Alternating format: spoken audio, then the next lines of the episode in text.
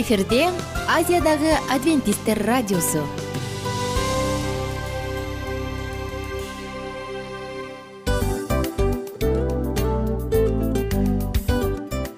Салам достор.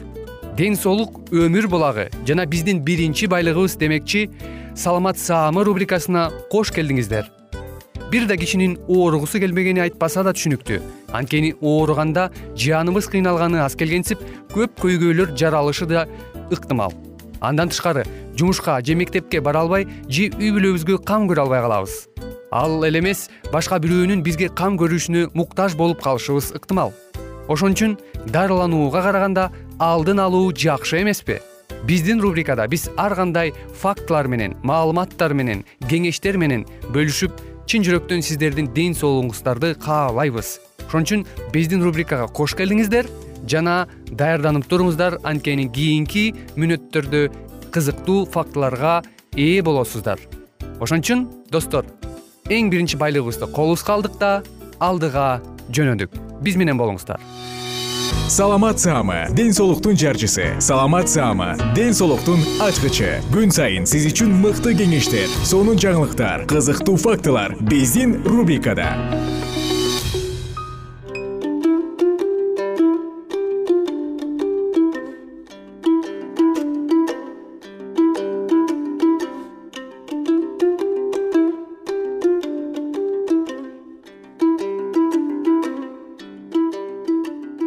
амансыздарбы ардактуу угармандарыбыз. Кайрадан эле сиздердин назарыңыздарда ден соолуктун ачкычтары программасы. Бүгүнкү программабыздын чыгарылышында биз э, өткөн берүүбүздө сүйлөшкөндөй эле э, чылымдын адам баласынын ден соолугуна тийгизген таасири жөнүндөгү программабызды кайрадан эле улантмакчыбыз. Андыктан биздин толкундан алыстабай биз менен биргеликте кала бериңиздер. Бүгүн болсо дал ушул чылымдын деги эле адам баласынын ден соолугуна тийгизген таасирлери жөнүндө сүйлөшмөкчүбүз адам баласынын ден соолугуна чылымдын тийгизген таасири деги эле канчалык деңгээлде олуттуу деген суроолор дагы жаралышы мүмкүн.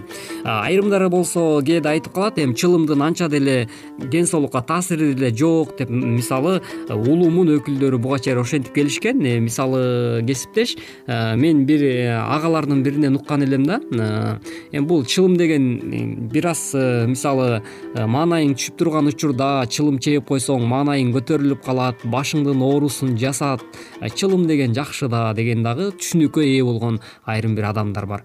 Чылым чеккендердин үзгүлтүксүз чегишет эмеспи? Анын натыйжасы аябагандай начар. Мисалы никотинге катуу ууланышы мүмкүн.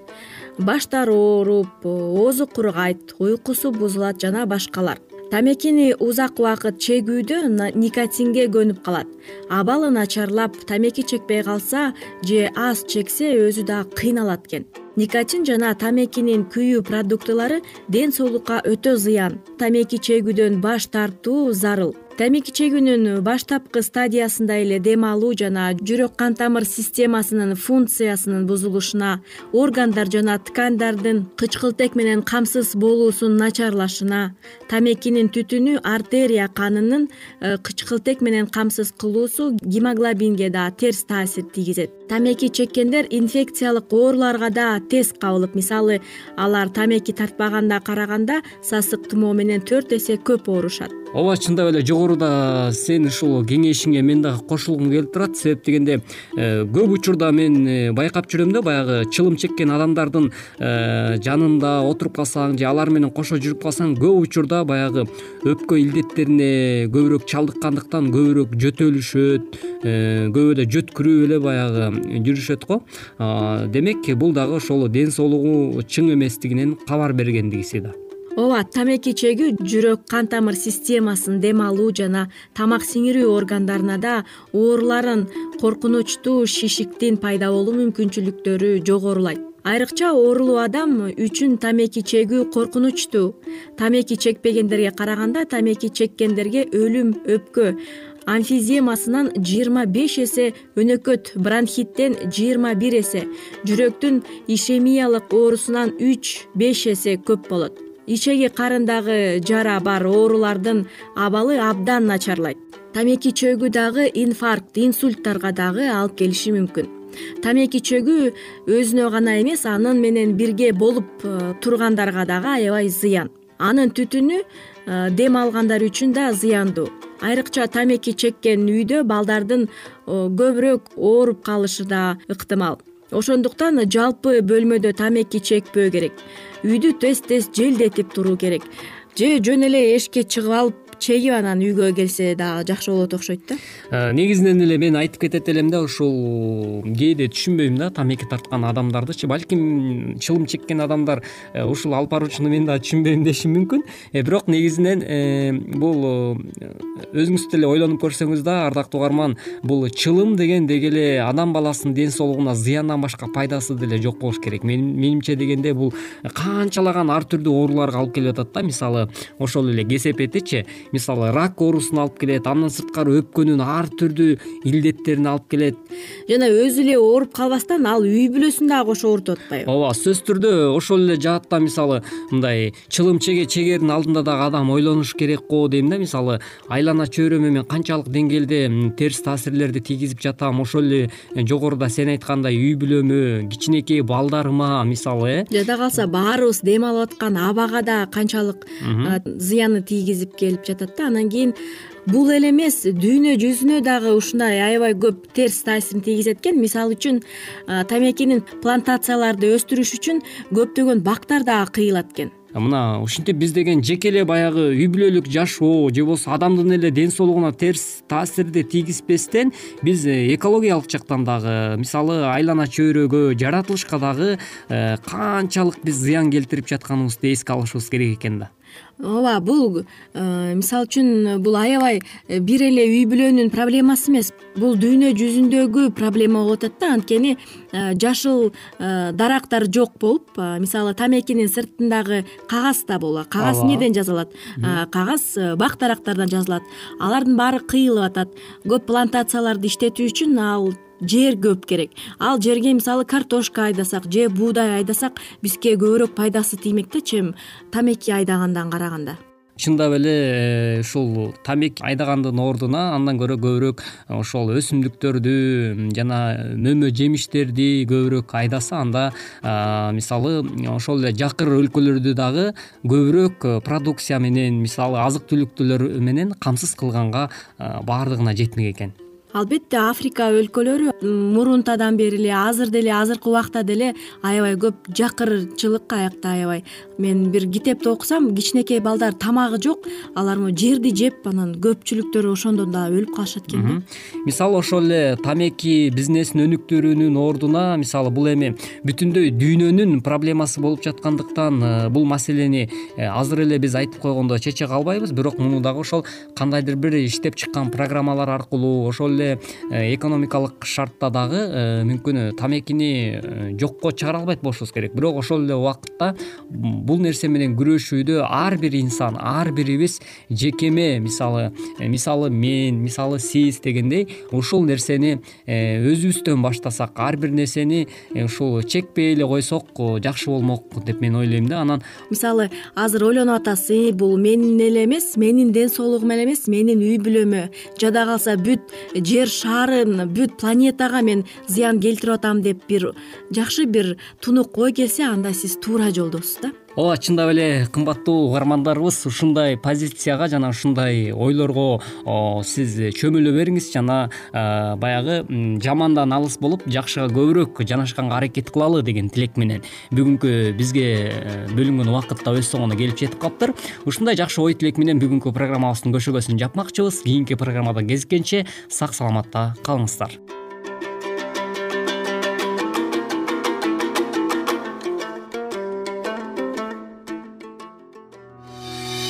саламат саама ден соолуктун жарчысы. Саламат саама ден соолуктун ачкычы. Күн сайын сиз үчүн мыкты кеңештер сонун жаңылыктар кызыктуу фактылар биздин рубрикада.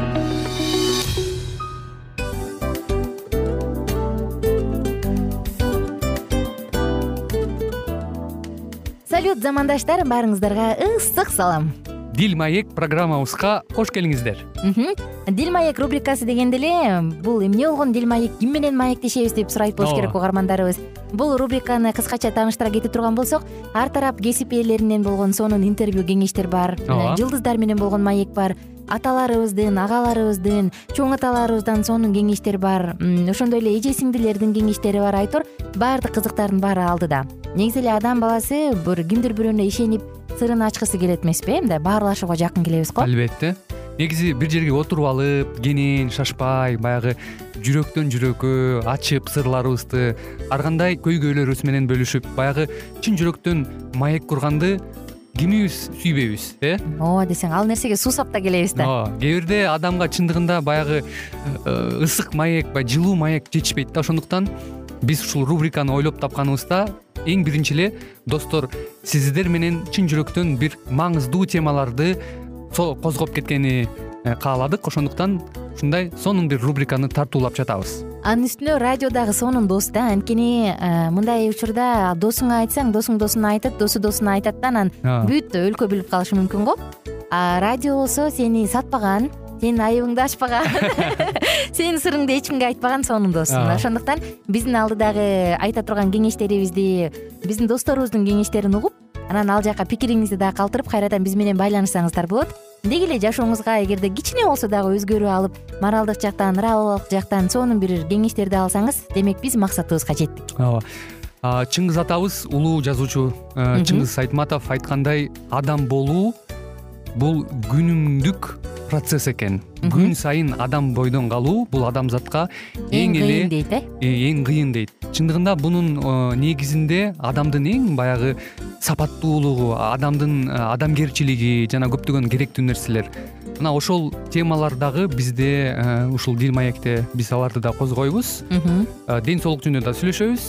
Сөзсүз түрдө анан милан мырза негизи айтып коюшат го. Биз көбүнчө эмнени ойлонсок? Ошол нерсеге карата иш кылабыз го. Ооба. Анан анысы кандай? Балким бул радио баракчада кимдир бирөөнүн оюн текшергенге жардам берет кимдир бирөөнүн жүрөгүн текшергенге жардам берет. Балким кимдир бирөөгө жашоонун маңызын тапканга жардам берет айтор кызыктын баары алдыда бул жөн гана кыскача жарнама анда угармандарыбыздын баардыгын кийинки рубрикабызга чакырабыз. Ал эми кызматта маңдайымда отурган кесиптешим милан жана мен айнура. Анда эмесе биз даярдаган терең терең ойлор менен таанышууга кеттик. Алыс алыс баралык. Анда эмесе достор биз менен бирге болуңуздар. Алдыда эң кызыктуу маалыматтардын баардыгы бир нече мүнөттөр бою жалгыз гана сизге арналат. Мына ошондуктан жакшы маанай менен угууну каалайбыз үн алышканча. Жөнөдүк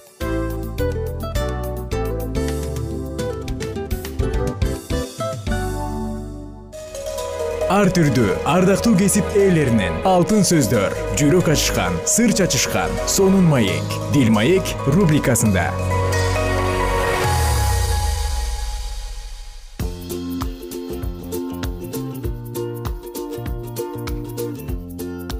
Саламатсыздарбы кадырлуу кыргыз элим ала тоону аркалаган ак калпактуу элим. Жалпыңыздарга сагынычтуу салам айткан мен аку бүгүн сиздер менен дагы никеге тиешелүү? Мамилени бекемдей турган бактылуулукту көздөй багыттай турган дил маек уктуруусун баштадык. Темабыз сергитүүчү шүүдүрүм кызыгуу болот бекен. Ооба сергитүүчү шүүдүрүм адамды эмне жаңылантат? Адамдын мамилесин эмне жаңыланта алат адамдын мамилесин эмне бекемдей алат мына бүгүн дал ушул жөнүндө сөз кылабыз эсиңизде болсо керек э? Келиңиздер бирге эстеп көрөлү. Жолдошуңуз же келинчегиңиз менен сүйлөшүп жаткан учурда ар бирибиз ушундай бир башкача толкундоону кубанычты сезебиз. Ар бирибиз ал адам менен баарлашууга шашабыз. Ал учурда жагымдуу сонун сезимдер бар. Анан ушул сезимдер түгөнбөсө дагы да узарып турса дейбиз. Анын жанынан кеткибиз келбейт ийим мындай учур жаштык мастык учур баарында эле болсо керек. Ооба да мунун баардыгын никеде сактап калгыбыз келет жана ошол үчүн никеге турабыз. Бирок дайыма эле мындай мүмкүнбү? Дайыма эле мамилени ысык бойдон сактап калуу мүмкүнбү? Мамилени монотондуулуктан бир ушундай кызыксыз болуп калуудан сактап калуу мүмкүнбү? Тилекке каршы кээ бир учурда мүмкүн эмес болуп калат. Бирок кубанычтуусу мындай нерсе мүмкүн. Ал үчүн болгону гана аракет жана түшүнүү керек. Достор мамилеңиз муздап баратабы мамилеңиз салкындап баратабы? Анда бизди тыңдаңыз эгерде азыркы учурда мамилеңиз ысык болуп ушул ойдон сактагыңыз келсе анда дагы бизди тыңдаңыз. Анткени бүгүнкү кеңеш сөзсүз түрдө сизге жардам берет. Экөөңөр чогуу жашайсыңар жолдошуңар экөөңөр бири бириңерди жарым эле сөздөн түшүнөсүңөр. Бири бириңердин каалооңорду билесиңер. Бири бириңерге ушундай бир сүйүүнү көргөзүп кам көрөсүңөр. Экөөңөр бир бүтүндөй калгандай сезилет ооба эми дагы эмне үчүн кыялданыш керек? Баары эле сонун да бирок ошого карабастан мамиле күн сайын жаңычылыкты улам талап кыла баштайт экен. Эмне кылыш керек? Бири бириңерден убактылуу алышташ керекпи? Жок. Бул чыгуу жол эмес. Тегеректеги баардык адамдар айтат никени жаңылантып туруш керек деп. Мунуго айтыш оңой. Анда муну кандай кылыш керек? Иш жүзүндө кандай болот? Келиңиздер бул жөнүндө сөз кылалы мамилеңизди жаңылантып ага сергектик ага ысык нерсе берип тургуңуз келсе отун жагып тургуңуз келсе анда бизди тыңдаңыз. Биринчи кезекте романтика. Аял заты ии жаным кайдагы сүйүү дейт болуш керек. Бирок романтика керек. Анткени романтика жашоону кооздойт. Аял ойлойт болуш керек бизди угуп жаткан эжекебиз кайдагы менин жашоом азыр кайдан романтика? Менин жашоом азыр проза. Эртең менен туруп баарына каша жасап бер балдарды бала бакчага мектепке жөнөт. Анан эптеп септеп жетишсең өзүңдүн өзүңдү эптеп септеп иретке келтиресиң чачты төбөгө байлайсың дагы кетесиң. Кечинде болсо шашпай жумуштан келесиң дагы тамак жасайсың деп. Ал эми мырзалар болсо спорт телеканалынын рейтингин түшүрүп кетпеш түшүрүп түшүрүп жибербеш үчүн жанталашып жумуштан кийин келет дагы диванга отурат.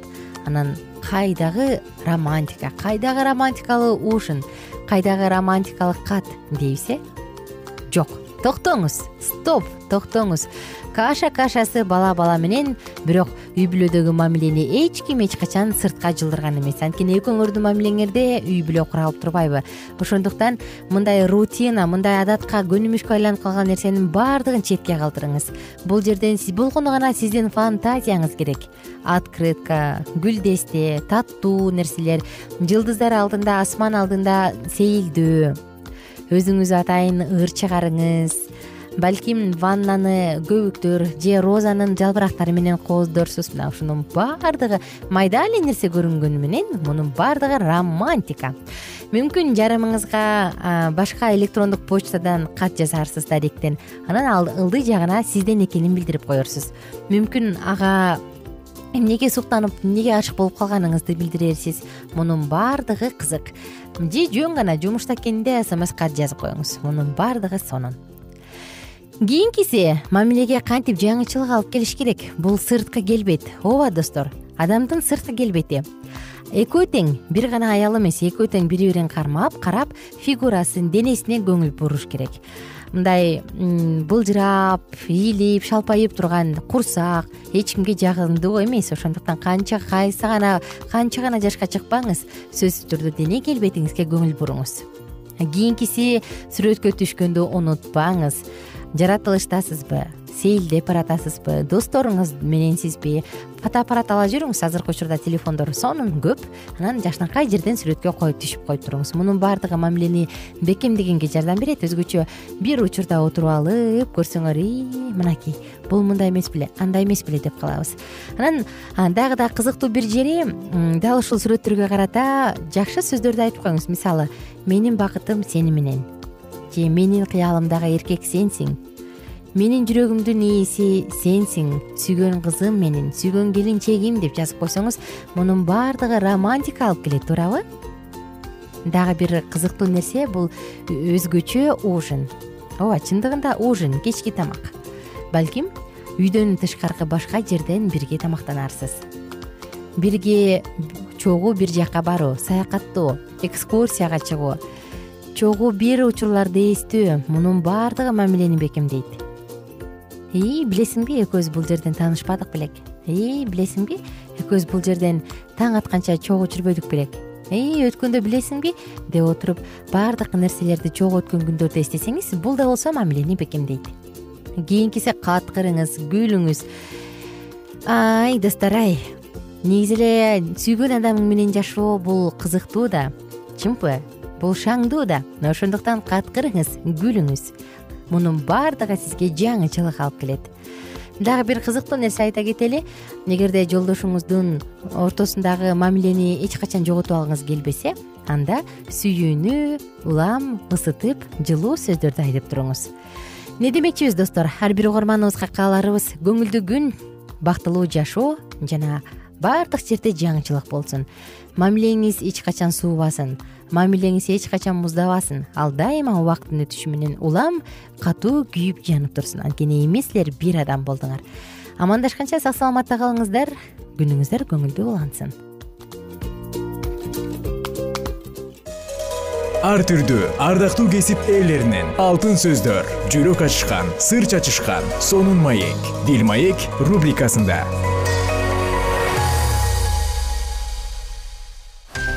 жан дүйнөңдү байыткан жүрөгүңдү азыктанткан жашооңо маңыз тартуулаган жан азык рубрикасы.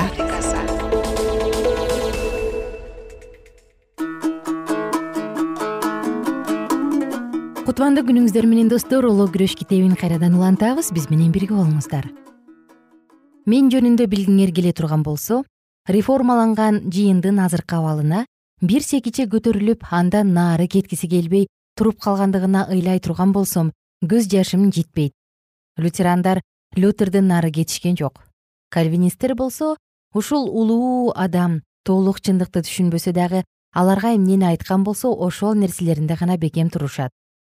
Жыйындардын ушул абалы кандай гана жан кейтерлик бул жыйындардын негиздөөчүлөрү өз мезгилдеринде бул дүйнөгө жарык алып келишкен бирок алар теңирдин насааттарынын толук тереңдигине жетишкен эмес жана эгерде алар бүгүнкү күндө тирилише турган болушса анда алар бир кездердеги кичинекей гана учкунун алган жарыкты толугу менен кабыл алууга даяр болушмак.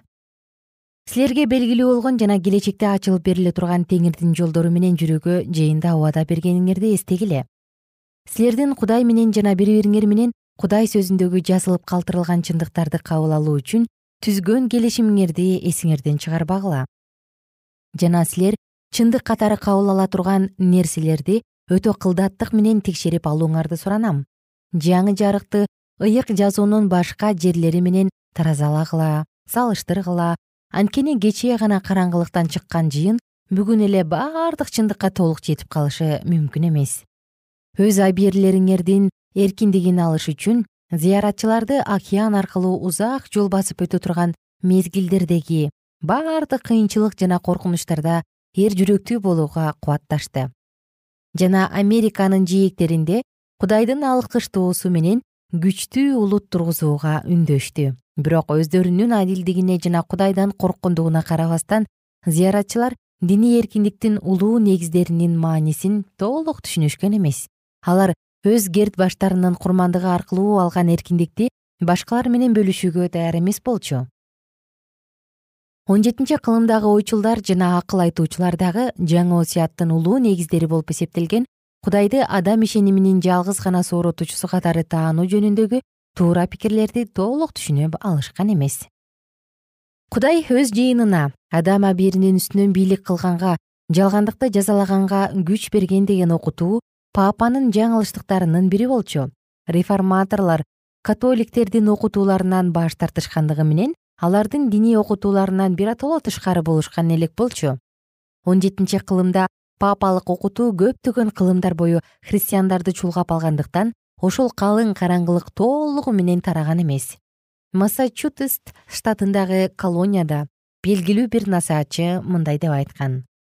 Бул ишеним адамдарды машаякка каршы бурду. Ошондуктан жыйындын адамдарды тазалап жаткан дагы ушул себептерден. Колониянын тургундары мамлекеттик бийликте бир гана жыйын мүчөлөрү добуш бере алат деген чечим кабыл алышты. Мына ошондуктан мамлекеттик жыйын кабыл алынып адамдар динди киреше жагынан колдонуу колго алышкан. Ал эми мамлекеттик бийлик болсо ар кандай жалган окутууларга тыюу салуулары керек эле. Мына ушундайча мамлекеттик бийлик жыйындын карамагына өткөн. Бул кабыл алынган чечимдердин жыйынтыгы куугунтуктардын башталышына өбөлгө түзгөн биринчи колониянын негизделгенине он бир жыл болгондон кийин роджер уильямс жаңы жарыкка келди.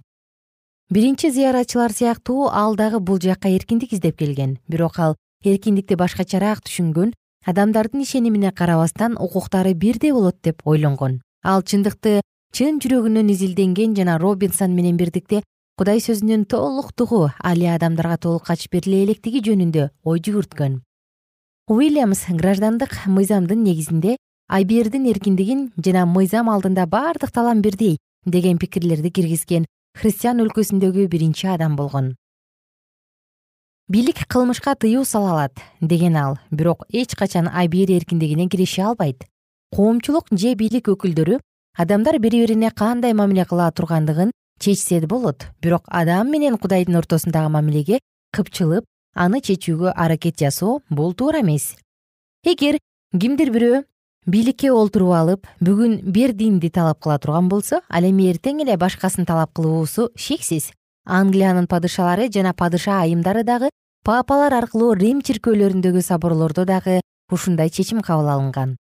Жана ишеним туурасындагы суроолордо көптөгөн түшүнбөстүктөр болгон. Атайын кабыл алынган жыйынга келүү штраф төлөө жана түрмөлөргө камоо коркунучтары менен мажбурланган. Уильямс болсо бул мыйзамды айыптады.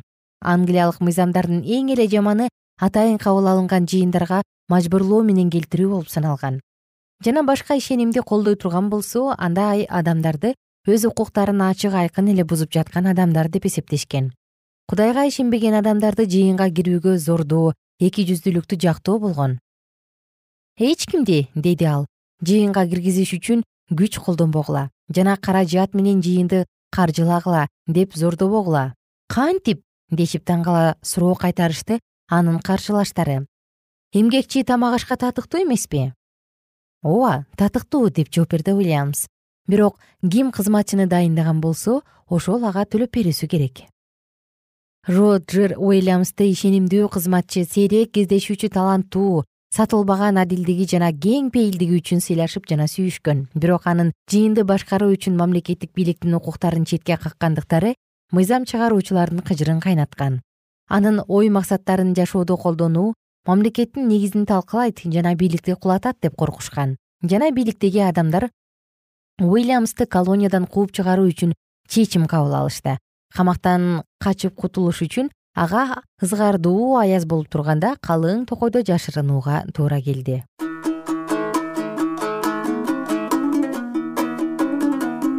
Ардактуу достор уильямстын тагдырын жана бул учурдун уландысын кийинки уктурууда уга аласыздар. Жалпыңыздар менен убактылуу гана коштошобуз.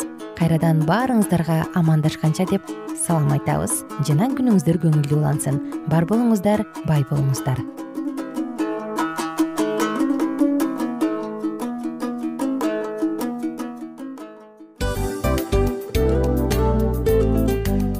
ушинтип убакыт дагы тез өтүп кетет экен. Биз дагы радио уктуруубуздун аягына келип жеттик. Келип кубандырдыңар эми кетип кубандыргыла деп тамашалап калышат эмеспи? Анысы кандай? Радио баракчабызды программабызды азыр эле баштап аткандай болдук элек. Мына соңуна келдик э? Негизи убакыт э, билинбей өтүп кетет экен. Мен дагы э, убакыт дегенде бүгүн бир адам менен сүйлөшүп калдым. Анан убакыт бул мүмкүнчүлүк деп айтып өзүмө өзүм айтып алып анан мага өзүмө эле кайра ачылыш болду да чын эле э Э, карап отурсаң ошол эле жыйырма төрт саат ошол эле жарым саат кайталанып атат. Бирок сендеги мүмкүнчүлүк жок ошол кой берилип кетти? Анысы кандай? Бүгүнкү сонун убактыңызды алтындай болгон жарым саатыңызды бизге бөлүп арнаганыңыз үчүн ыраазычылык айтабыз. Анан жашооңуздун кайсы бир сферасын өзгөртө турган сонун пайдалуу кеңеш алган болсоңуз анда биз максатыбызга жеттик. Анан ушул нерсени кылбасам десеңиз ошол өзгөрүүлөрдү кичинекей кадамдардан баштап иш жүзүнө ашырыңыз дагы жашооңузда чоң чоң ийгиликтерге жетиңиздер чын жүрөктөн ар бир берилген кеңештер сөздөр сиздерге пайдасын алып келет деп ишенебиз. Жана кийинки уктурууларда сөзсүз түрдө чыдамсыздык менен сиздерди күтөбүз. Сагынычтуу салам айтып кайрадан дал ушул жыштыктан баардыгыңыздарды тосуп алганча. Кызматта мен айнура жана кесиптешим милан анда кол булгалайбыз жалпыңыздарга ийгиликтүү күн. Саламатта калыңыздар